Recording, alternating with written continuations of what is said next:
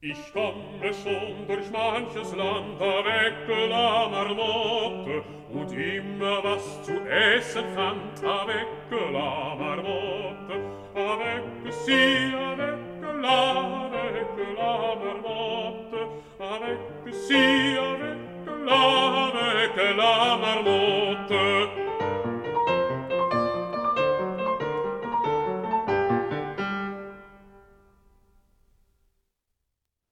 Komiði sæl. Það var Dietrich Fischer-Dieskau sem söng lægið Marmotte eftir Ludwig van Beethoven en Jörg Demus leik með á piano. Talið er að lægið sé samið í kringum 1790 þegar Beethoven var um tvítugt og er það því eitt elsta lag Beethovens sem samið er við ljóð eftir Goethe. Johann Wolfgang von Goethe var rúmlega 20 árum eldri en Beethoven, fættur 1749 en Beethoven 1770. Beethoven var afar hrifin af skálskap Götes og samti tónlist við mörg af ljóðumans. Í samtali við kunningja sinn, Rocklitz, fór Beethoven einu sinni að bera saman skáldin Klopstock og Göte. Hann sagðist hafa verið mikill aðdáandi Klopstocks á sínum yngri árum. En hvers vegna skildi hann alltaf vilja deyja? Það kemur nógu snemma. En Göte, hann lifir og vil fá okkur öll til að lifa með sér. Þess vegna er hægt að semja tónlist við hann. Árið 1810 kynntist Beethoven 25 ára gammalli stúlku að nafni Bettina Brentano og urðu þau góðir vinnir. Bettina var sýstir skálsins Clemens Brentano og þekkti því mörg skáld personulega, þar á meðal Göte, en hann hafði Beethoven aldrei hitt þótt hann hefði samið tónlist við kvæði hans. Bettina skrifaði Göte og lísti Beethoven fyrir honum. Hann hafði lofað henni að heyra lög eftir sig við ljóð Götes. Hann söng hátt og skýrt svo að mér sótti ángur treyi. Kennst þú das land? Þekkir þið land? Er þetta ekki fallegt? spurði hann hrifin. Undurfagurt. Ég ætla að syngja það aftur. Lagið Kenst út að sland var samið við ljóð sem stúlkan Minjón syngur í skálsögu Götes Vilhelm Meister. Hún lýsir þar fjarlægu landi sem hún man óljóst eftir og þráir að sjá aftur.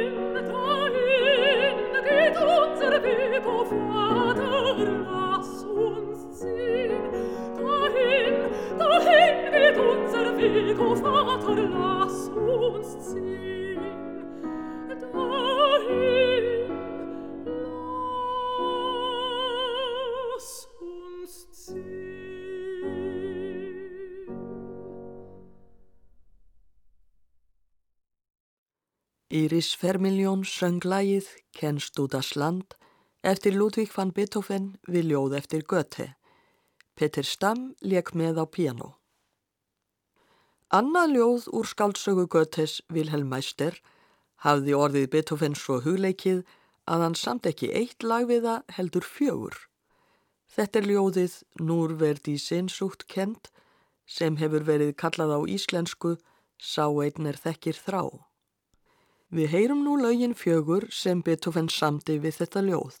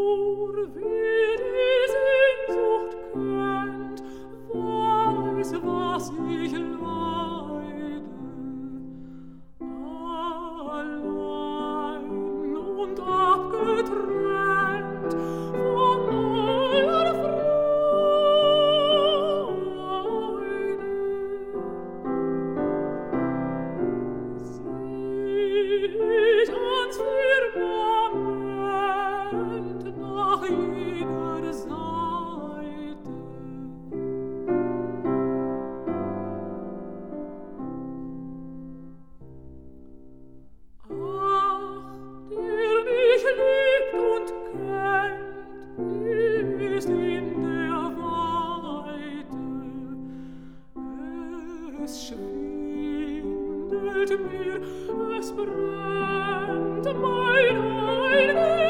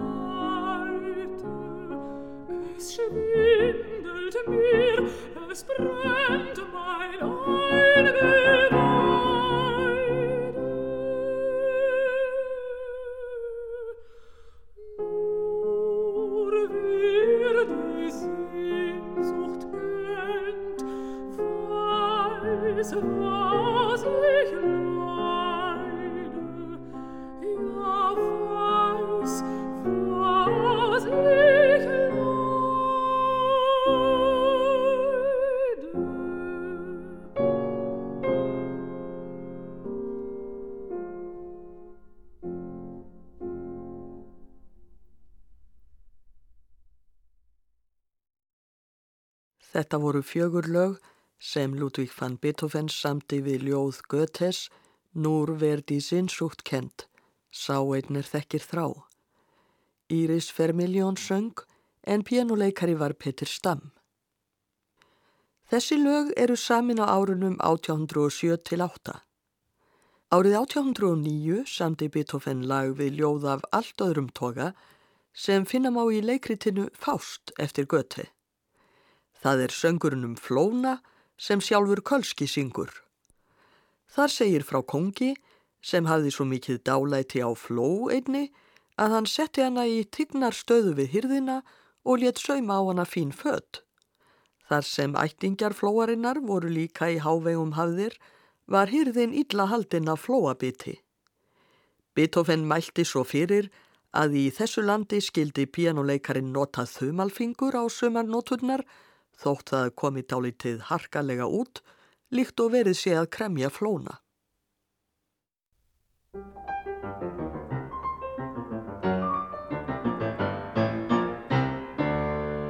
Es war einmal ein König, er hat einen großen Floh, den liebt er gar nicht wenig, als wie seinen eigenen Sohn. Da rief er seinen Schneider, der Schneider kam heran, da miss den Junker Kleider und miss ihm Hosen an.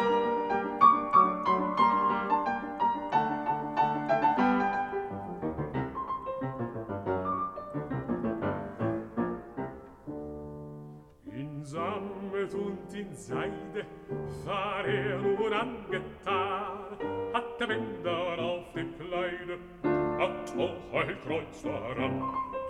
Und war sogleich Minister und hat einen großen Stern, da wurden seine Geschwister, ein Hof auch große Herren.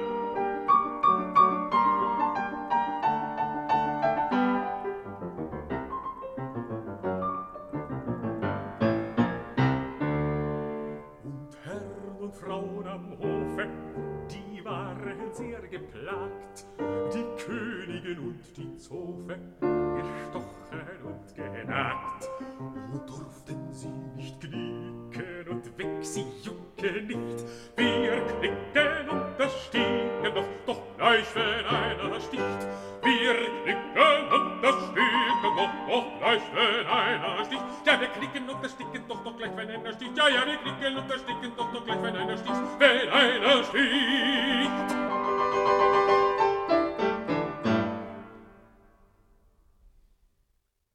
Þetta var söngurinn um Flóna, lag eftir Beethoven við kvæði úr leikritinu Faust eftir Göti. Dietrich Fischer dískásöng en við pianoið var Jörg Demus. Snúm okkur nú aftur að brefinu sem Bettina Brentano skrifaði Göti árið 1810.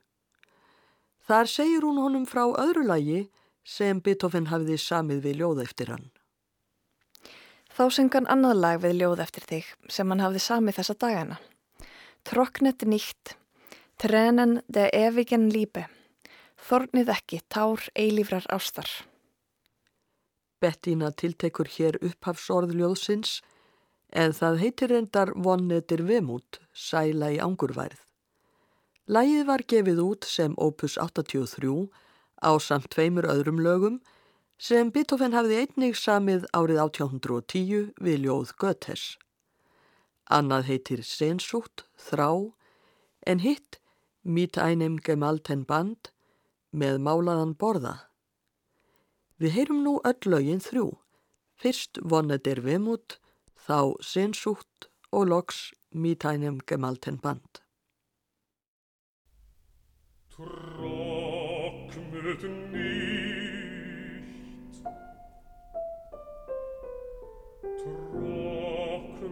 nicht.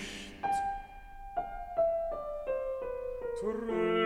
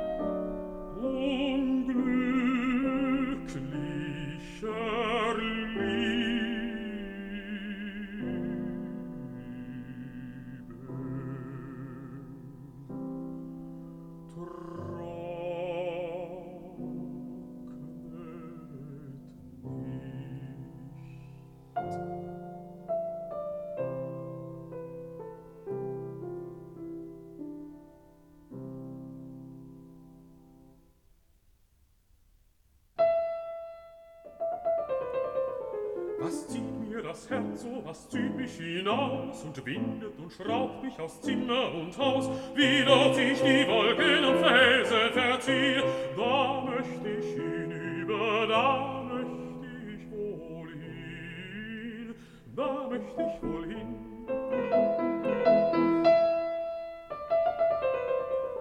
Nun wiegt sich der Rabe gesellig der Flug. Ich mische mich drunter und folge dem Zug. Und Berg und Gemäuer und Fittigen wir, sie weilet da drunten, ich spähe nach ihr. Ich spähe nach ihr.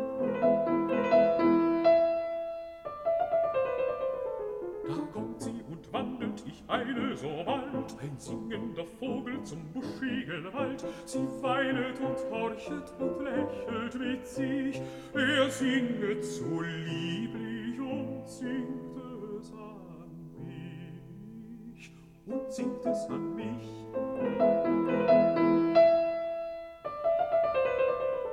Die scheinende Sonne vergüldet die Höhen, die sinnende Schöne, sie lässt es geschehen. Sie wandelt am Bache die Wiesen entlang, und finster und finstrer umschlingt sich der Gang, umschlingt sich der Gang. Auf einmal erschein ich ein blinkender Stern, was glänzet da droben so nah und so fern? und hast du mit Staunen auf Leuchten erblickt. Ich lieg dir zu Füßen, da bin ich beglückt. Da bin ich beglückt.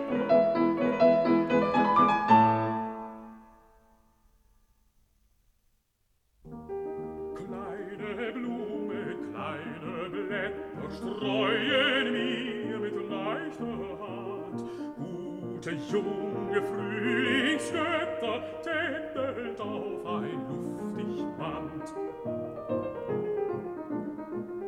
Zephyr links auf deine Flügel, schlingst um meiner liebsten Kleid, und so tritt sie vor den Spiegel all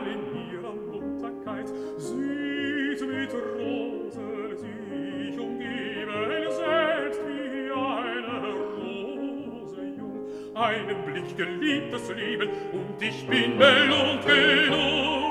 Einen Blick geliebtes Leben und ich bin belohnt genug. Fühle, fühle, was dies Herz empfindet, reiche frei mir deine Hand und das Band, das uns verbindet, sei kein schwaches Rosenband, ja sei kein schwaches Rosenband. Fühle, was dies Herz empfindet, reiche frei mir deine Hand und das Band, das uns verbindet.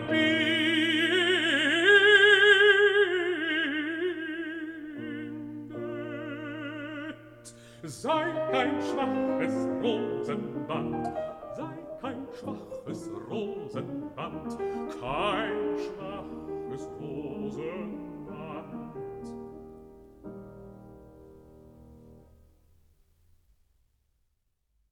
Dietrich Fischer-Dieskau söng þrjú lög opus 83 eftir Ludwig van Beethoven við ljóð eftir Goethe. Lögin voru Wonne der Wehmut, Sehnsucht og Mit einem gemalten Band. Jörg Demus leik með á piano. Þegar Goethe fekk brefið frá Bettinu Brentano, hrefst hann mjög af lýsingu hennar á Beethoven og skrifaði Bettinu. Flyt þú Beethoven allt þið besta frá mér og segð honum að ég vildi mikið til vinna að meg að kynnast honum persónulega. Þar sem hugsana og tilfinningaskipti hefðu án Eva mikinn ávinning í förm með sér. Bettina svaraði Goethe 7. júni 1810 og skrifaði að Beethoven hefði orðið heiminn lifandi að fá kveðjuna frá honum. Elsku vinur, ég síndi Beethoven brefið þitt góða að þeim hluta sem honum við kom. Hann glattist mjög og sagði, ef nokkur lifandi maður er færum að uppfræða hann um tónlist er ég sá maður. Hugmyndinum að þið hittist í Karlsbad vakti hrifningu hans. Hann barði sér á krúnuna og sagði, hefði ég átt að gera það fyrr? Satt að segja, hafði ég áður hugsað mér að gera það en hætt við það af feimni sem oft ásækir mig, sem væri ekki maður með mönnum. En nú óttast ég göti ekki lengur. Þú skalt í búast við að hitta hann á næsta ári. Það dróst nokkuð að þeir Goethe og Beethoven hittust en Beethoven skrifaði skáldinu 12. apríl 1811. Bettina Brentano hefur fullvisa mig um að þér myndu taka mér vel. Já, með vinsemt. En hvernig get ég hugsað mér slíkar móttökur sem ekki er færum að nálgast yfir á annan hátten með djúpri lotningu og einlægustu dásömun á dýrlegum skáldverkum yðar. Þér munuð brátt fá frá Breitkoff og Hertl í Leipzig senda tónlist mína við Egmont. Hinn dásamlega Egmont sem ég hef fært í hljómbúning af jafnmikilli alúð og ég fann í hjarta mínu er ég kynntist honum. Gagt tekin af hugarsýniðar og þeirri samúð er þér innrættuð mér við lesturinn. Tónlistin við leikrit Götes, Egmont, sem Beethoven minnist á í brefinu, þykir engar vel hefnuð, engum forleikurinn. Í leikritinu er Egmont frelsishetja og slíkur bóðskapur átti vel við Beethoven. Hér verður nú leikinn Egmont forleikurinn eftir Ludvík van Beethoven. Hljómsveitin Anima Eterna leikur, stjórnandi er Jós van Immersæl.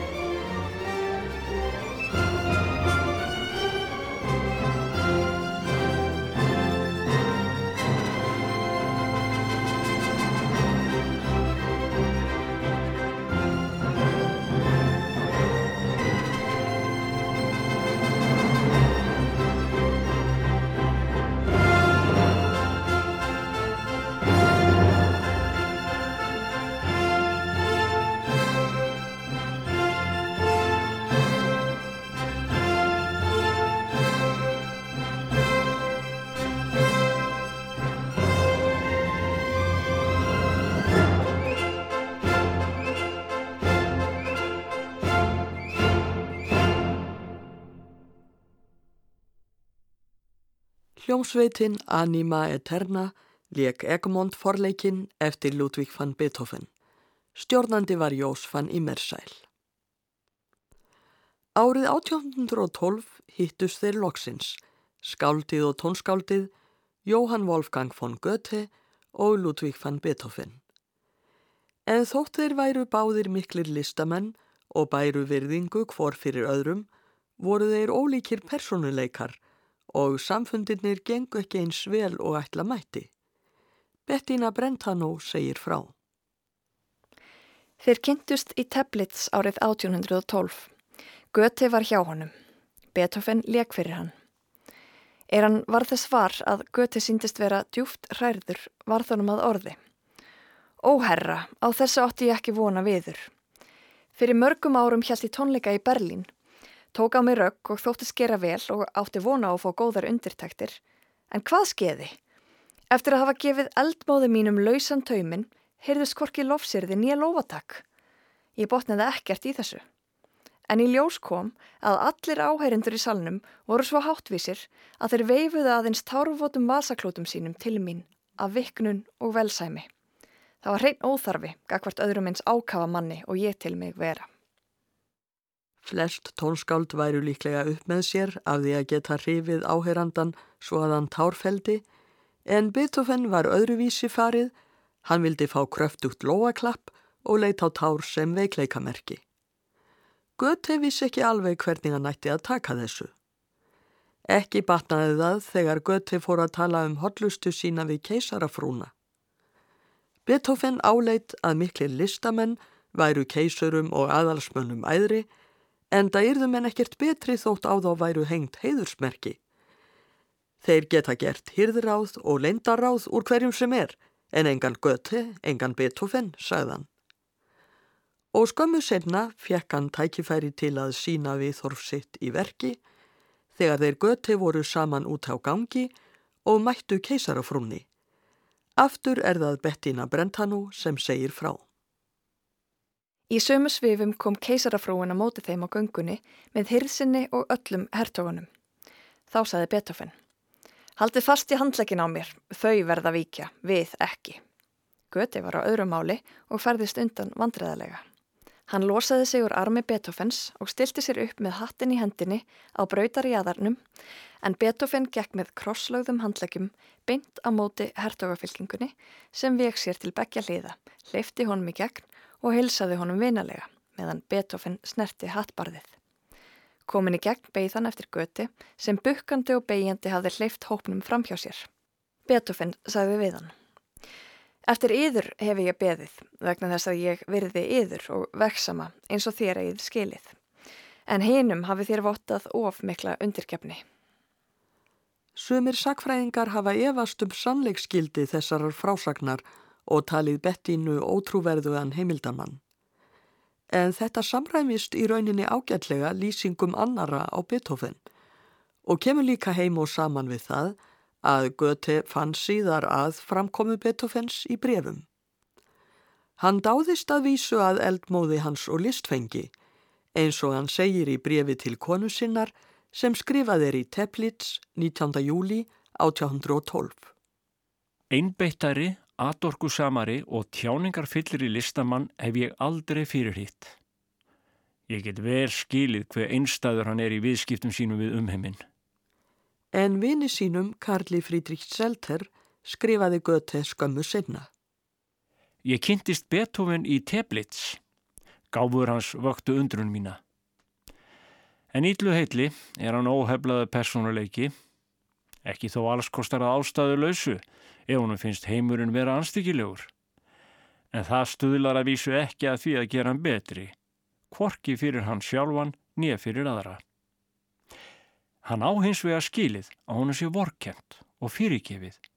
Það sem hann er að missa heyrð sína sem að líkindum skadar tónlistar eðlis far hans minna ennið félagslega.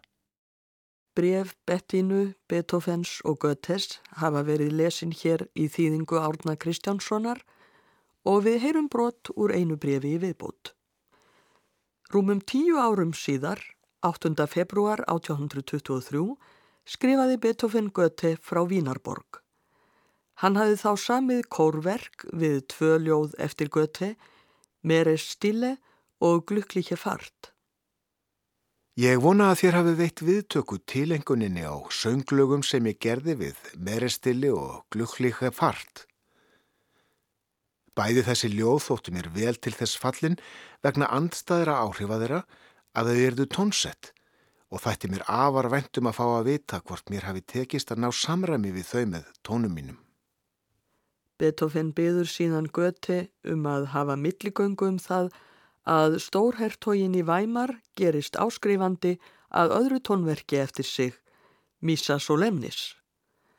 Hann flýti sér þó að segja að Göti megi ekki halda að það sé út af þessari beðni sem hann hafi tilengað honum tónlistina við meire stille og glukklíkja fart. Ást mín, virðing og svo lotning sem ég ber fyrir hinnum ódöðlega og einstaka göti, allt frá úlingsárum mínum, hefur ekki fyrirnst. En slíkar tilfinningar er erfitt að tjá í orðum, ekki síst fyrir mig klauvan sem einungis hefur helgað sig tónlistinni.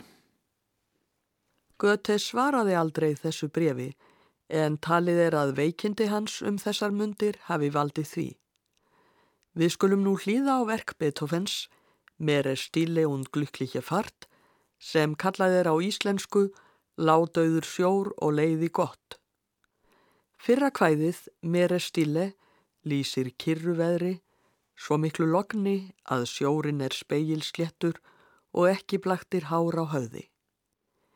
Beethoven lýsir þessu með lágum og hægum tónum, svo hægum að það likur við að kyrðin sé þrúandi. En svo verður tónlistin fjörmeiri og reyfing fer á stað þegar komið er yfir í setnakvæðið, glukklíkje fart. Vindurinn blæs í seglinn, skipinn fá góðan byr, leiði gott og skrýða af stað. Monteverdi kórin og hljómsveitin Orkestre Revolutionaire et Romantique flytja Mere stili und glukklíkje fart eftir Ludwig van Beethoven. Stjórnandi er John Elliot Gardiner.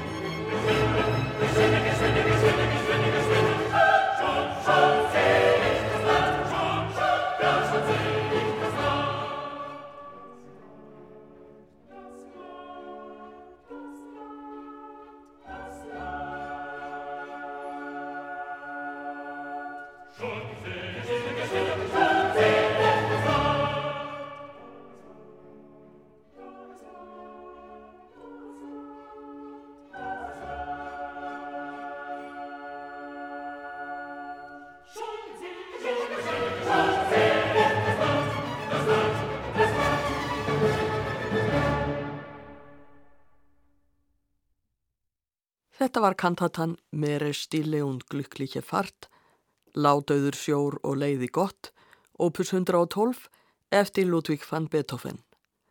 Monteverdi kórin söng og hljómsveitin Orkestru Revolutionér í Romantik leik á upprunaleg hljóðfæri. John Elliot Gardiner stjórnaði. Beethoven lést árið 1827.